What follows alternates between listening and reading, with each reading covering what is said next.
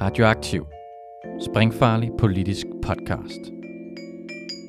Følg os, like os, del os, læn dig tilbage og nyd en frisk blandet cocktail af skarpe vinkler, dybtegående analyser og farlige debatter. Hej, og velkommen til et nyt afsnit af Udbrud. Et radioaktivt koncept, hvor vi laver enkeltstående afsnit og emner af interesse. Dette afsnit handler om International Workers of the World, en syndikalistisk fagforening med dybe rødder, der trods forandrede tider holder fast ved at være flat organiseret med stor inddragelse af sine medlemmer. Mit navn er Reinhard Bosch, og jeg er taget til New York for at undersøge, om den danske fagbevægelse kan lære noget af International Workers of the World, eller IWW, som organisationen bliver forkortet.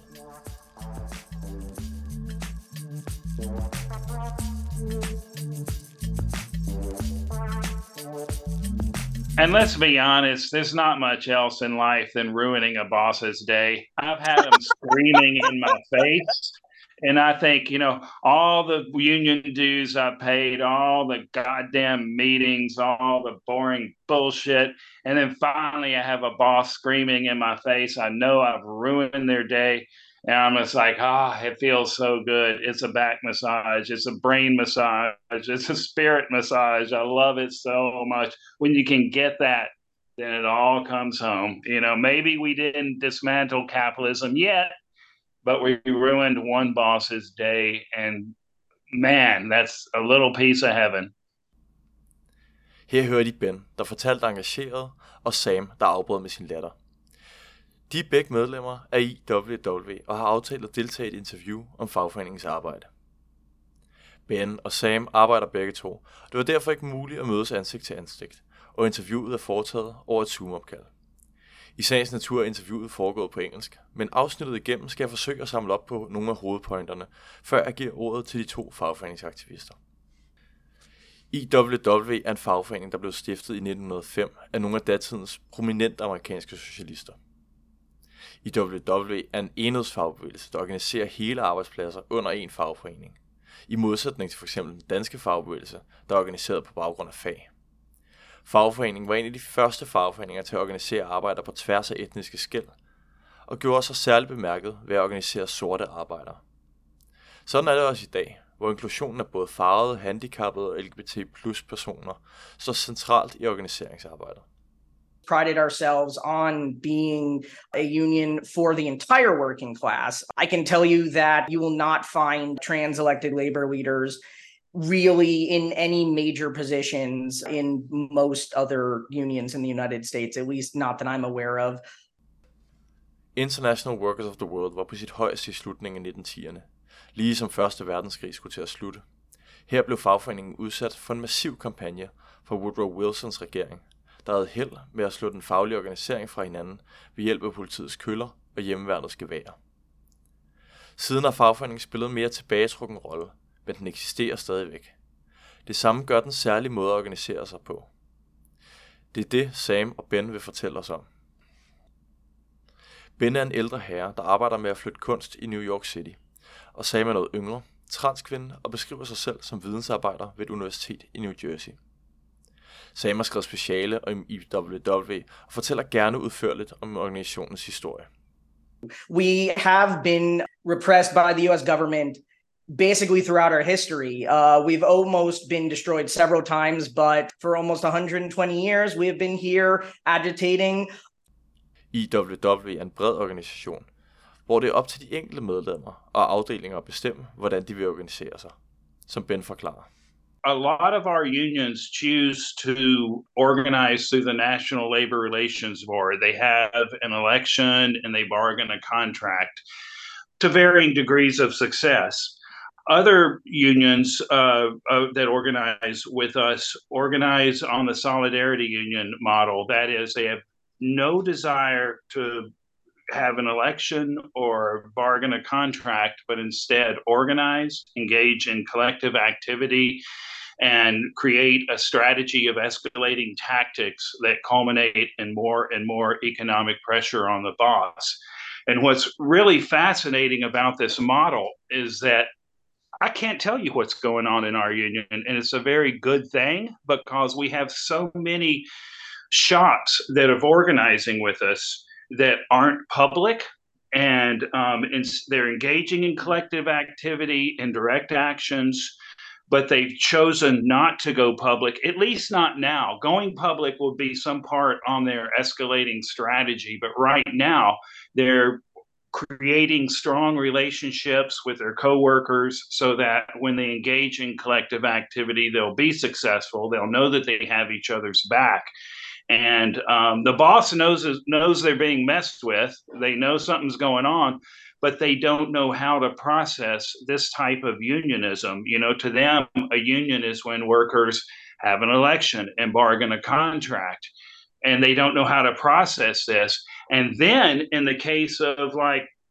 some of our uh, shops here in the city, the boss tries to force them to have an election, and they say, "No, we don't seek representation by the IWW. We don't want it. We won't accept it. And instead, they join the IWW. They organize like crazy, and now they walk their boss like a poodle. Har altså tale om en fagforeningsorganisering, der ikke nødvendigvis vil genkendes som en fagforening. Frem for at stole på regler og systemer og aftaler, som andre fagforeninger generelt benytter sig af, vil mange af IWW's afdelinger hellere være til stede som en trussel mod arbejdsgiverne, som de ikke præcis ved, hvor de har. Det kan derfor lyde som en meget radikal form for organisering, men sådan ser Ben det ikke nødvendigvis. The IWW unions are only as radical as the democratic vote of the workers mm-hmm. who are organizing with us. I personally believe that workers are radicalized through action and but that's mm. just me but maybe not. You know, a lot of workers, you know, who organize with us, they don't have a problem with capitalism. They might be progressive, they might be kind of not progressive, but they come together, they discuss what their issues are, how they want to do it.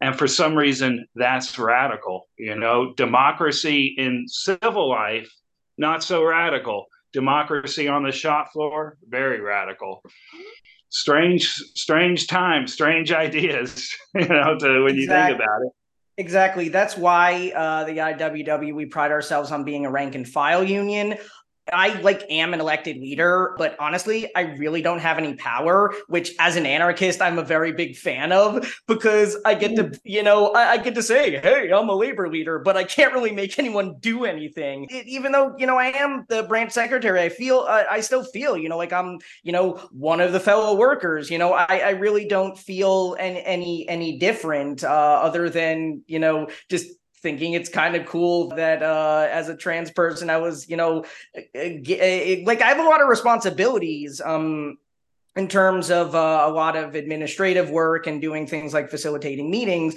But because I don't have any power over the membership and I, you know, I, I can't really make a lot of decisions, it really is about making sure that I have my membership's mm. trust, you know, that that we all like each other and we have a, a an incredibly democratic and egalitarian decision making. Det kan alt sammen lyde meget decentralt, og det er det øjensynligt også. Alligevel er der en form for international organisering, der organiserer de forskellige afdelinger. The IWW doesn't have, you know, like one central headquarters. Uh, we have what are called regional administrations. So NARA is the North American Regional Administration. We have uh, WISERA, which is Wales, Ireland, Scotland, England Regional Administration. And I forget the acronym for it, but um, we also have an Australian, New Zealand. Um, I'm I've actually tried looking this up, but there isn't uh, information on the uh, regional administration for our unions in Germany, Austria, and Italy. But essentially, what it is is that there isn't like one overarching structure. We divide it up as to be more democratic that way. And I think it's it's it's really good because it means that no uh, one central authority can essentially dictate what our members do. NARA is, uh, in terms of membership numbers, the biggest, but that doesn't you know really mean anything in terms of decision making power. Uh, I I think honestly, what what makes the IWW different, especially in relationship with other uh, labor unions in the United States, or as uh, I believe they call it in Denmark, uh, trade unions, is that we really try to be as democratic as possible to make sure that the decision making is in the hands of the workers. Like for instance um, we have multiple uh, organizing campaigns and once they get off the ground they're basically autonomous. Like other than you know our external organizers which are iww members who you know instead of being part of the workplace you know go and help out the campaigns and anything that they need other than that, they essentially like you know come to us if they have any needs, and if they don't, hey, you know they're per, uh, perfectly fine just doing stuff on their own, and I think that's really great. IWW eksisterer altså flere steder i verden, men hvor stor er organisationen så egentlig?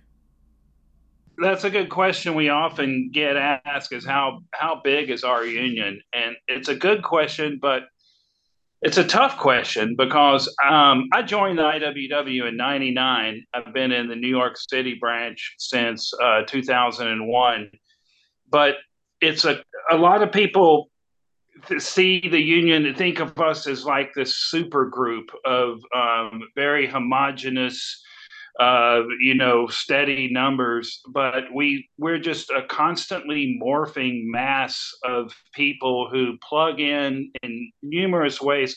Some members just pay dues. Uh, some people come and they get very involved and then they burn out. and uh, so we get a lot of young activists who come and join the union because it we have a lot of street cred and then they realize meetings can be boring and they think that you're just going to be right in the streets you know rising up with the workers but there's just we're constantly changing. It's it really is like as much as a workplace um, that organizes with the iww can suddenly disappear because we've had we've had shops where that people go on to other jobs. There's no such thing as a decert. The, IWW has never had a decert really. We people just stop paying dues and go away if they get another job or they feel they don't need one. Same thing for the general membership of the branch here in New York City and branches other in other places it's constantly changing. People come and go. Some people just come to demos. Some people just uh, you know help out with fundraising or printing or you know whatever resources they have. Some people stay for life. Some people stay for a week you know? It's just it really is uh, whether you're a worker organizing or just an activist within the union it's the union that you can imagine and you come and go as you please so right now in New York City, we have about 130, 140 dues paying members. You could add another 60 or 80 members who are in bad standing who paid dues, but maybe they haven't in the last couple of months or something. So just think of it as a as a big water balloon expanding and shrinking and you know rolling around it's it's it's nothing steady it's you know it really is the union that that people want it to be in their lives and they want it to be in the future. You know, again, some people just pay money. They just throw money at this, say, please organize, do something. I want my money to go to this because it's uh it's a, a very simple idea, but it takes work. You know, it take if you really want to learn to organize. Ligesom det er svært for de to aktivister at svare på præcis, hvor mange medlemmer organisationen har, så er det også svært at svare på mit næste spørgsmål. Hvordan de egentlig organiserer sig, og hvordan de rekrutterer nye medlemmer. Udover oplagte svar, som at man holder kontakt med medlemmerne over mail og Discord og Signal, så understreger aktivisterne, hvor vigtigt det er at være i personlig kontakt med sine kollegaer. because of the alienation within uh, inherent within capitalism, in-person meetings are invaluable getting as many people there as possible. And i think what the iww historically and you know we're trying to re-engage with this as much as possible of what we've done is we've made ourselves not only a union but a, just a group of you know people you can just hang out with. Um you, you know one of the most important parts of building a revolutionary movement isn't the revolution itself. It's building relationships. It's building communities of care. It's building people that sure you don't have to like everyone to organize with each other honestly, all of my friends are either in the IWW or in in various revolutionary circles I'm a part of. I think uh, you know, again, what the IWW does give us is a place where we can just get to know people, have fun. You know, whether it is at you know a bar just for uh, a social thing, or you know, I remember a month or two ago, a bunch of us were in Central Park just hanging out, shooting the shit and you know that that's a big part of creating dual power structures and dual power is how we get revolutions done get off your phone get off of your computer and you know you know i always i meet with workers to organize often you know and talk about the resources and what a, a wobbly campaign would involve and uh, I always tell them don't talk about organizing on the shop floor. Do it outside. Uh, mm. Go to a, a walk in the park, a bar, have a cup of coffee. But I I encourage people to keep this fun, you know. And if you can go to a bar and be there for an hour and get the hell out before everyone gets drunk, I mean, do it. You know, the the, the goal here is to bring people in, make them want to come back. Keep those meetings short ultimately our goal is you know as many of our members who are already there as possible uh, to organize our own shops Men hvordan gør de så, når der skal organiseres arbejdspladser, hvor IWW ikke på forhånd er til stede?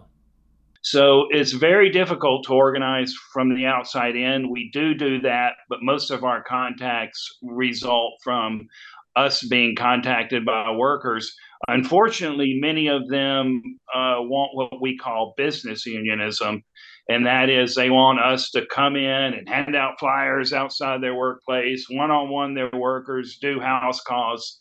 But we try to explain to them why that's a bad idea, why that steals their momentum, why that creates third party unionism, why, you know, we're there to give them organizing advice if they ask for it, legal advice if they need it and they are in control of their union and it's up to us to explain to them why that is a good thing why they need they are literally literally literally the union. Other business unions we call them business unions because they operate like a business. They all say that oh no you're the union but no they it's third party unionism. With us it's literally true yeah, we get a lot of uh, people contact our national union, uh, and they uh, we have a re- very good organizing department board that then uh, contacts people. I'm the organizing department liaison for the New York City General Membership Branch, so I'll get the form that they filled out. We also locally get contacts and we also, you know, it's very difficult to organize from the outside in, but we're always plotting and scheming and thinking of uh, flyers. Uh, we call them uh, silent agitators, a sticker, just trying to get the word out. Hey, you have a right to a union. And, uh, but a lot of people are uneducated about unions and don't, literally don't know what one is um, in some cases, uh, they have been in a union and they justifiably hate unions. They can't talk about unions without grinding their teeth to powder because they were in a union or they know someone who was in a union. It wasn't democratic, it wasn't militant, it wasn't responsive. And so it's I don't blame anyone for being anti-union, and I really don't blame anyone for being for not knowing what a union is because they don't teach it in school for a reason. På den måde hænger organiseringsarbejdet for de to aktivister unægteligt sammen med et større politisk perspektiv. For dem handler fagforeningsarbejdet ikke kun om at forbedre arbejdsforholdene her og nu, men om at styrke arbejderne til at stå op for deres rettigheder. I agree that one of the biggest strengths of the IWW is that we do radicalize people. Like once workers learn that you can have power in the workplace, that you can work democratically, then what naturally follows is well then why isn't the entire system like this why isn't the uh, why can't everything be like that we were founded on the idea simply that the employing class and the working class have nothing in common. Our goal back then and still today is the abolition of the wage system. En af de største udfordringer i USA er, at organiseringsgraden er stagnerende. kun omkring 7% af den amerikanske arbejdsstyrke er organiseret. Ifølge Ben og Sam er det de klassiske fagforeninger, der kan takkes for denne tilstand. It's not capitalism. It's not politicians. It's not bosses. It's the labor movement. Because right now in America, you know, we're down to seven or eight percent of the workforce that's unionized. And the biggest enemy of the labor movement is the labor movement because how low does that percentage have to go before people realize that the structure, the tactics, the principles, everything about the business unions guarantees the labor movement's demise because they suck the creativity out of the workers, they suck the momentum out of the workers, they take workers and put them in a cage with their contracts that all have no strike clauses. You have a goddamn no strike clause. Motherfuck that union straight to hell. And I mean that because, you know, those unions are more anti worker than any boss knows how to be because they put a smiley face on the labor movement and they get workers sucked into this. They throw them some bones. They get a grievance process, an extra little 50 cents an hour. But at the end of the day, the workers are locked in a cage. And that's what the IWW wants to do is is open that cage and say, look, you know, you own the world, you own the means of production, take it. And the business unions are saying, hell no. And they fought that every step of the way. As Ben said, it's really taking the creativity out of anything, uh, out of everything. It's essentially saying you have a set path of you you know get a certain amount of people you take a vote it gets certified then you bargain a contract and then however long the contract is they just do you know their jobs. There there's no ongoing agitation. There's no you know like ongoing uh mobilization of members. It's essentially all or nothing. And it's a really good way of of of essentially um saying we need to trust the government to arbitrate it because of these elections and because of no strike clauses. Det efterlader de udfordringer, som IWW selv står med.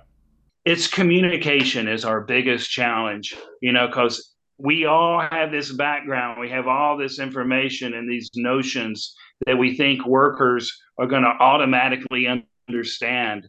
But it's so much complicated than that because people are complicated and we need to understand that. We usually do understand that but it's hard to put that in practice. You know uh, i met with some workers from a a medical center in the Bronx. And I'm thinking, you know, these are who they, they weren't even nurses. They worked in the office. And I'm thinking, oh, God, I don't know their job at all, but I'm trying to explain to them that they need to engage in collective activity.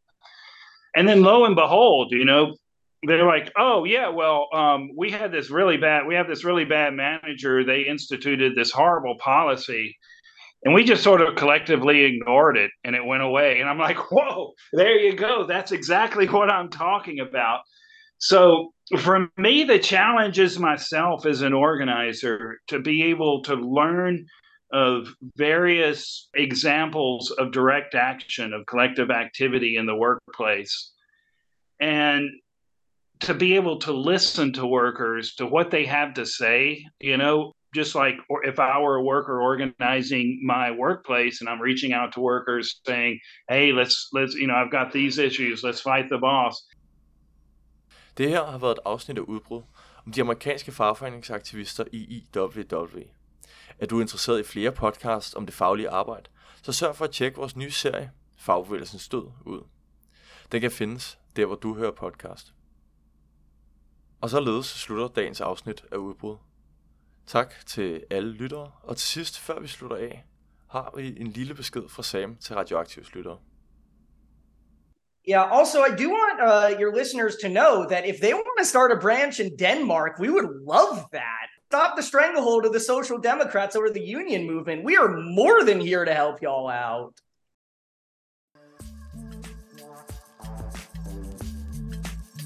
Yeah.